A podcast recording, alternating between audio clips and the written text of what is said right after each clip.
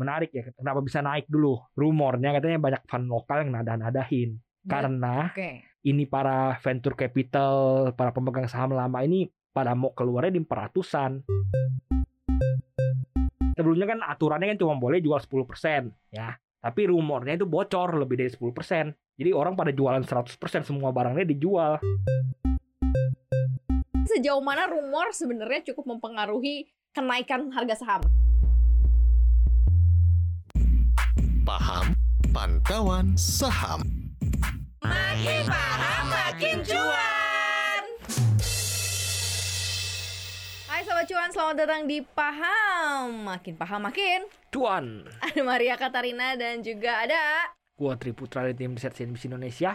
Oke, nggak usah buang waktu aja bro, nggak usah buang-buang waktu bro. Karena kita sudah menempelkan judul yang sangat ciamik sekali mungkin ya di cover di Spotify, terus kemudian di YouTube ya.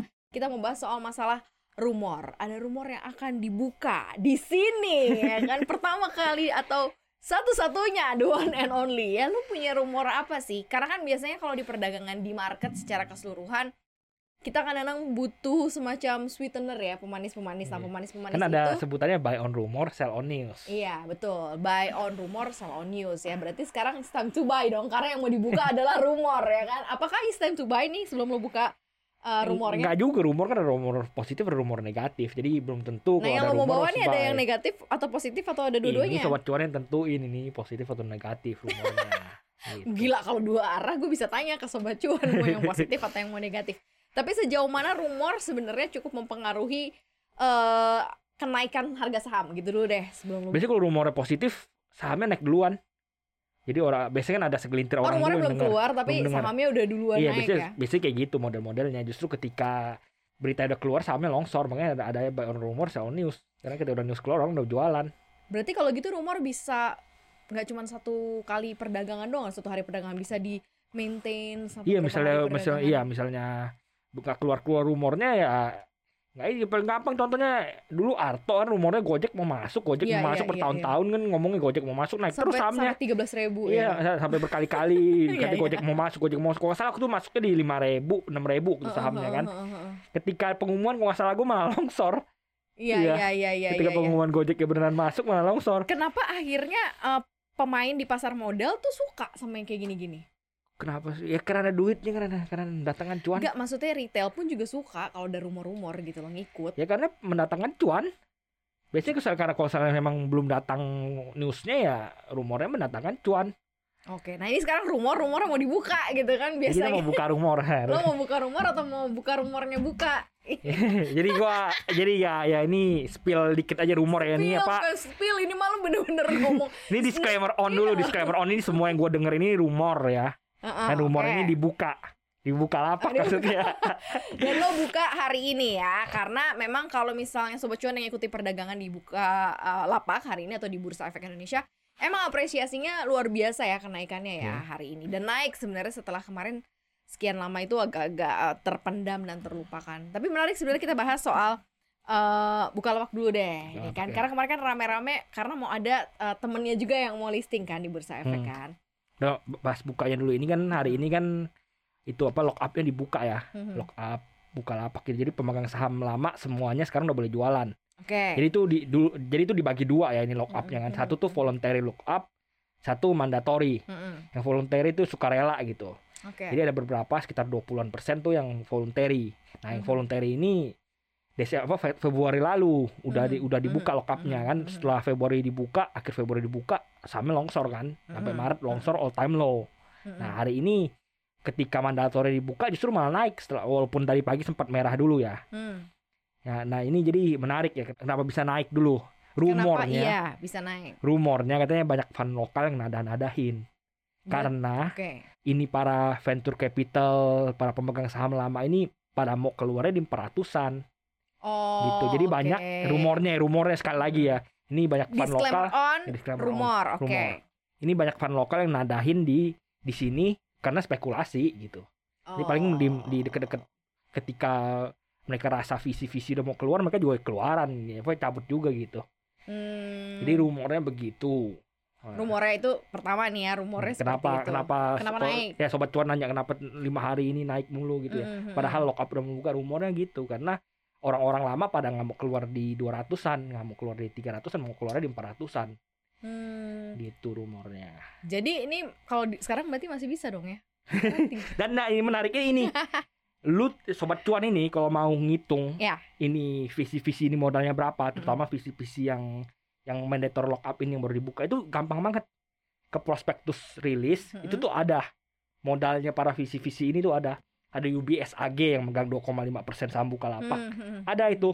Kalau nggak salah tuh harganya 200-an 200 berapa gue lupa tepatnya tapi 200-an Berarti dia modal mau pembelian. mau jualan, mau keluar tuh kan berarti nanti mau, mau jualan kan? iya mereka mau jualan kan kalau di bawah 200-an kan nggak bisa jual. 200 berapa gue lupa. Kalau sobat cuan mau ngitung tuh bisa. Jadi di prospektus tuh ada daftar-daftarnya ini Mhm. belinya di modal berapa barangnya Hmm. ada berapa gitu. Jadi nanti kan dapat ya average pembeliannya berapa ya tinggal hitung-hitung bisa kira-kira oh ini kalau jatuh ke bawah sini orangnya nggak bisa jualan nih ya udah tadahin aja gitu bisa Hmm. Karena Sobat Cuan tahu lah ya eh, saham buka ini kan memang secara year to date-nya kan udah koreksinya parah. 22 persen. 6 bulan terakhir udah 60 persen nah gitu. ini menarik lagi nih Apa nih? rumornya lagi ya rumornya lagi nih Gue cuma ngasih tahu koreksinya kenapa lo langsung Ini menarik kenapa ya kenapa Naik. ini bisa longsor parah ya dari Heeh. IPO ya. Dari harga tertinggi 1300-an kan setelah dua kali arah itu tuh. Itu rumornya, rumornya ini Hmm. Pemegang saham sukarelanya tuh bocor. Lock up sukarela itu bocor. Oke. Sebelumnya kan aturannya kan cuma boleh jual 10% ya. Tapi rumornya itu bocor lebih dari 10%. Jadi orang pada jualan 100% semua barangnya dijual. Kenapa? Karena rumornya lagi itu lock up-nya itu cuma gentleman agreement doang, gentleman agreement salam doang, oh bikin su- bikin surat gitu. Jadi ketika ada yang langgar nggak ada enforcement-nya. Dan lock up-nya itu tuh bukan di kesei. Nah, gue kasih tahu lock up tuh ada dua Hmm. jenis ya. Hmm. Ada satu tuh di kesei. Di kesei ya benar-benar lock up di yang, yang mandatory ini lock up-nya di kesei. Jadi regulator yang tidak mengizinkan mereka beli, nggak nggak mengizinkan mereka jual gitu. Jadi oh lu nggak boleh jualan. Kenapa? Karena lu belinya di harga bawah, bla bla bla bla bla bla, nggak boleh jualan gitu. Jadi Oh, di lock oke, up di oke, kesei oke. sahamnya, lu mau jual juga nggak bisa, lock up gitu. Tapi ini yang gen- yang voluntary ini gentleman's agreement. Jadi bukan di kesei lock up-nya, cuman Hmm. via tanda tangan bla bla bla bla. Nah rumornya yang gue denger denger sih katanya ada yang bilang ini bocor gitu. Oh. Makanya harganya all time low mulu.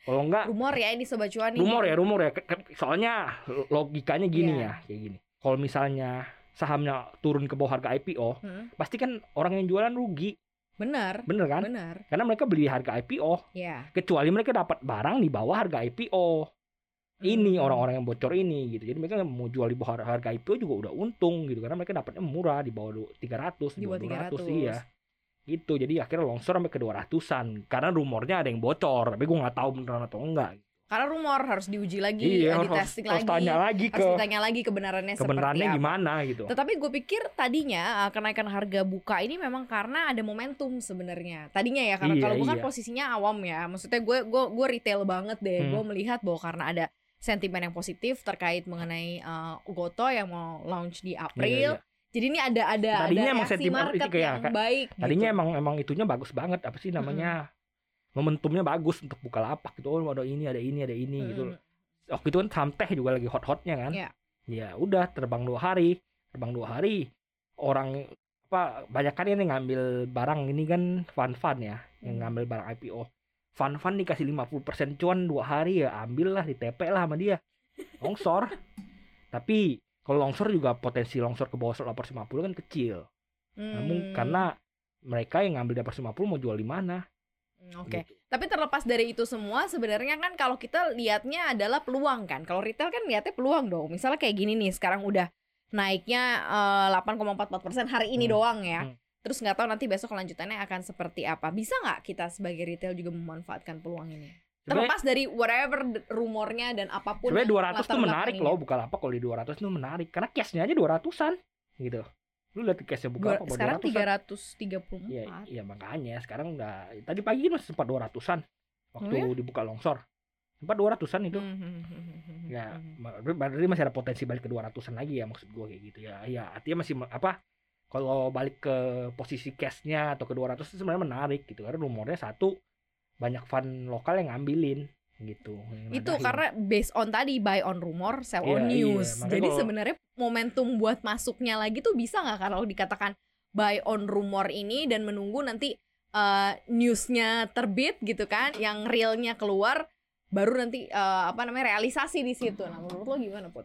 sebenarnya newsnya juga kagak ada news yang bakal keluar gitu masa newsnya eh ini itu jualan nggak itu kan nggak kelihatan siapa yang Ya jualan we kan never know. ya iya mak maksud gue tuh lu lu nggak bisa lihat siapa yang jualan nantinya gitu jadi Oh, yang oke. emang nggak ada nggak ada news yang bakal keluar gitu ini hanya rumor kepastian rumor ini benar atau nggak ya kemungkinan besar nggak ada yang nggak bakal nggak bakal ada yang tahu gitu Oke. gue tuh gitu Maksud gua momentum ini bisa nggak dimanfaatkan retail? ya bisa dong tentunya kalau misalnya lu kalau misalnya retail pengen masuk misalnya ada rumor kayak gini ya udah cobain ngumpulin di 200-an deket-deket 400-an paling jualan gitu ya. Rum- paling kalau pengen ngikutin trennya ya kayak gitu kan.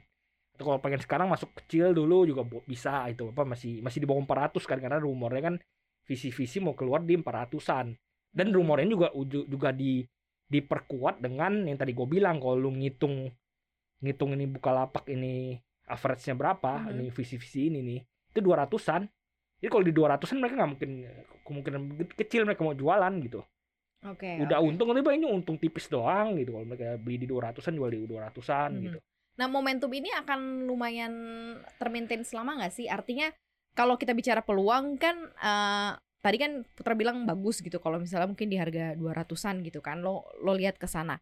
Nah, ini kan masih nanti masih akan ada imbas berita lain nih Hmm. yang mungkin saja juga ikut mengkerek kayak dulu kan misalnya saham bank digital eh bank digital salah satu bank digital baru IPO, bank-bank digital yang udah Hmm. existing di bursa naik semua nih karena dari yang satu baru IPO nih. Nah, ini Hmm. kira-kira akan berekor sama atau enggak sih akan itu bukan sama? IPO sih tapi dicaplok kok gitu ya di iya, diambil- dicaplok, se- semua digital digital naik nah ini sebenarnya mana kita buka tuh banyak yang mau keluar jadi Hmm. potensi balik ke 1300 kalau sobat cuan nyangkut di sana itu masih lama lah menurut gua balik ke Oh, oke, 1003 itu masih lama 800 aja mungkin agak berat ya karena bakal ada resist di sana gitu ya Hmm. jadi kalau sobat cuan nyangkutnya terlalu tinggi ya it's not a good thing gitu jadi kalau walaupun ini memang prospeknya ke depannya bagus gitu Mm-mm.